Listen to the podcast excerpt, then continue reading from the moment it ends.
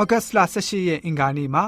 လေ့လာသွားမယ့်ဥပုသ္စာဖြစ်သင်ခန်းစာရဲ့ခေါင်းစဉ်ကတော့ယေရှုရှင်ဤကုသမှုသာသနာအပိုင်း1ဖြစ်ပါတယ်။ကျွန်တော်တို့ရဲ့သခင်အရှင်ယေရှုဟာအင်ဝင်ကလေးလှုပ်ဆောင်တဲ့နေရာမှာစကားကိုအလွတ်ကျက်တာအတုမြင်ကူးယူလှုပ်ဆောင်ခြင်းမျိုးမပြုပါဘူး။အသက်တာမှာပင်ကိုကြွယ်ဝပြီးတော့အင်အားကြီးတဲ့သူဖြစ်ပါတယ်။ကျွန်တော်တို့ဟာနေတူတူဝလူအများတွေနဲ့ပခုံးချင်းပုတ်တိုက်သွားလာလှုပ်ရှားနေကြရပါတယ်။ကာယညာနာခံစားမှုနဲ့ဝိညာဉ်ရေးရာပေါင်းစုံကို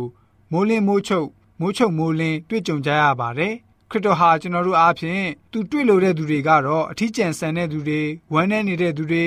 အသက်နှလုံးနာကျင်နေရတဲ့သူတွေကိုကျွန်တော်တို့ရဲ့ဝမ်းမြောက်ခြင်းမျှော်လင့်ခြင်းနဲ့စိတ်ကူးထားတဲ့အရာတွေနဲ့နှစ်သိမ့်မှုကိုပေးစီလိုပါတယ်လိုအပ်မှုနဲ့မပြည့်မစုံလို့ခံစားနေရတဲ့သူတွေအတွက်ယေရှုရှင်ဟာကုညီမဆတာနဲ့အလိုအဆုံးသောအရာကိုအမှန်သိမြင်တွေ့ရှိခဲ့ပါတယ်မိမိကိုယ်တိုင်ဖြည့်ရှင်းလို့မရနိုင်တော့တာ လွတ်မြောက်လို့မရနိုင်တော့ဘူးလို့ထင်တဲ့အရာတွေရှိပါတယ်။ဥပမာဆလိပ်ဖြတ်ဖို့ကိုယ်လေးချိန်လျှော့ဖို့အာဟာရပို့ပြီးတော့မှီဝဲဖို့စိတ်ဖိစီးမှုလျှော့ချဖို့တို့ပါဝင်ပါတယ်။အစားအစာလိုအပ်တာနေထိုင်ဖို့အိမ်လိုအပ်တာ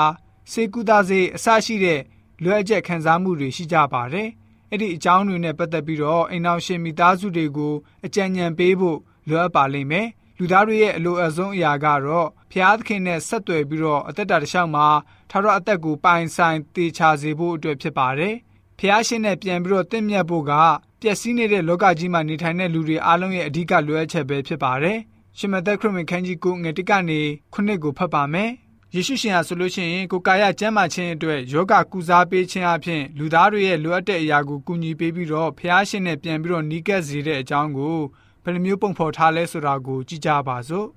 ထိုအခါကိုတော်သည်လှေစီး၍ကူးပြန်သည်ဖြင့်မိမိမျိုးသို့ရောက်တော်မူ၏လက်ချေသေး၍အိယာပေါ်မှတုံလုံးနေသောသူတစ်ယောက်ကိုအထက်တော်သို့ဆောင်ခဲ့ကြ၏ယေရှုသည်ထိုသူတို့၏ယုံကြည်ခြင်းကိုမြင်လျင်လက်ချေသေးသောသူအားငါသားမစိုးရိမ်နှင့်တင်းအပြစ်ကိုလွတ်စေပြီဟုမိန့်တော်မူ၏ကျမ်းပြုဆရာအချို့တို့ကဤသူသည်ဖျားကိုလွန်ကျူး၍ပြောသည်ဟုထင်ကြ၏ယေရှုသည်ထိုသူတို့၏စိတ်ကိုသိမြင်တော်မူလျင်သင်တို့သည်အဘဲကြောင့်ညူဆူသောစိတ်ရှိကြသည်။ အဘယ်စကားကိုတာ၍ပြောလေသနည်းတင်းအပြစ်ကိုလွတ်စေပြီဟုပြောလေသလောတင်ထ၍လှမ်းသွားလောဟုပြောလေသလောလူသားသည်မြေကြီးပေါ်မှအပြစ်လွတ်ပိုင်သည်ကိုတင်တို့သိစေခြင်းကထလော့ကိုအိယာကိုဆောင်၍ကိုအိမ်သို့သွားလောဟုလက်ချေတည်သောသူအားမိန်တော်မူ၏ထိုသူသည်လည်းထ၍မိမိအိမ်သို့သွားလေ၏ဆိုပြီးတော့ဖော်ပြထားပါတယ်ခရစ်တော်ရဲ့ယောဂကုသခြင်းအပြင်အမှုတော်ဆောင်တဲ့နေရာမှာကိုခန္ဓာရောစိတ်ခံစားမှုပါ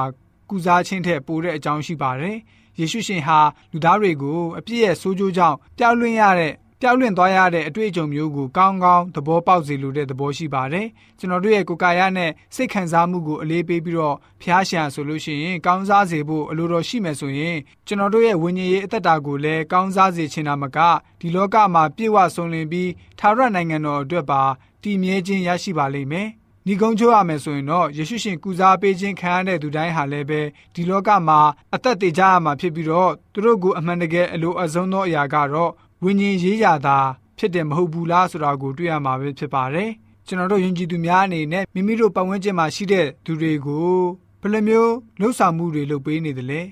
ကျွန်တော်တို့ယဉ်ကျေးသူများအနေနဲ့လူသားတွေရဲ့ဝိညာဉ်ရေးကို စိတ်ဝင်စားပြီးတော့တသက်ခံမဆားကြတဲ့ယဉ်ကျေးသူတွေဖြစ်စေဖို့အတွက်အင်္ဂါနဲ့ဥပု္ပ္ပစာဖြစ်တဲ့ငန်းစာကဖော်ပြထားပါတယ်။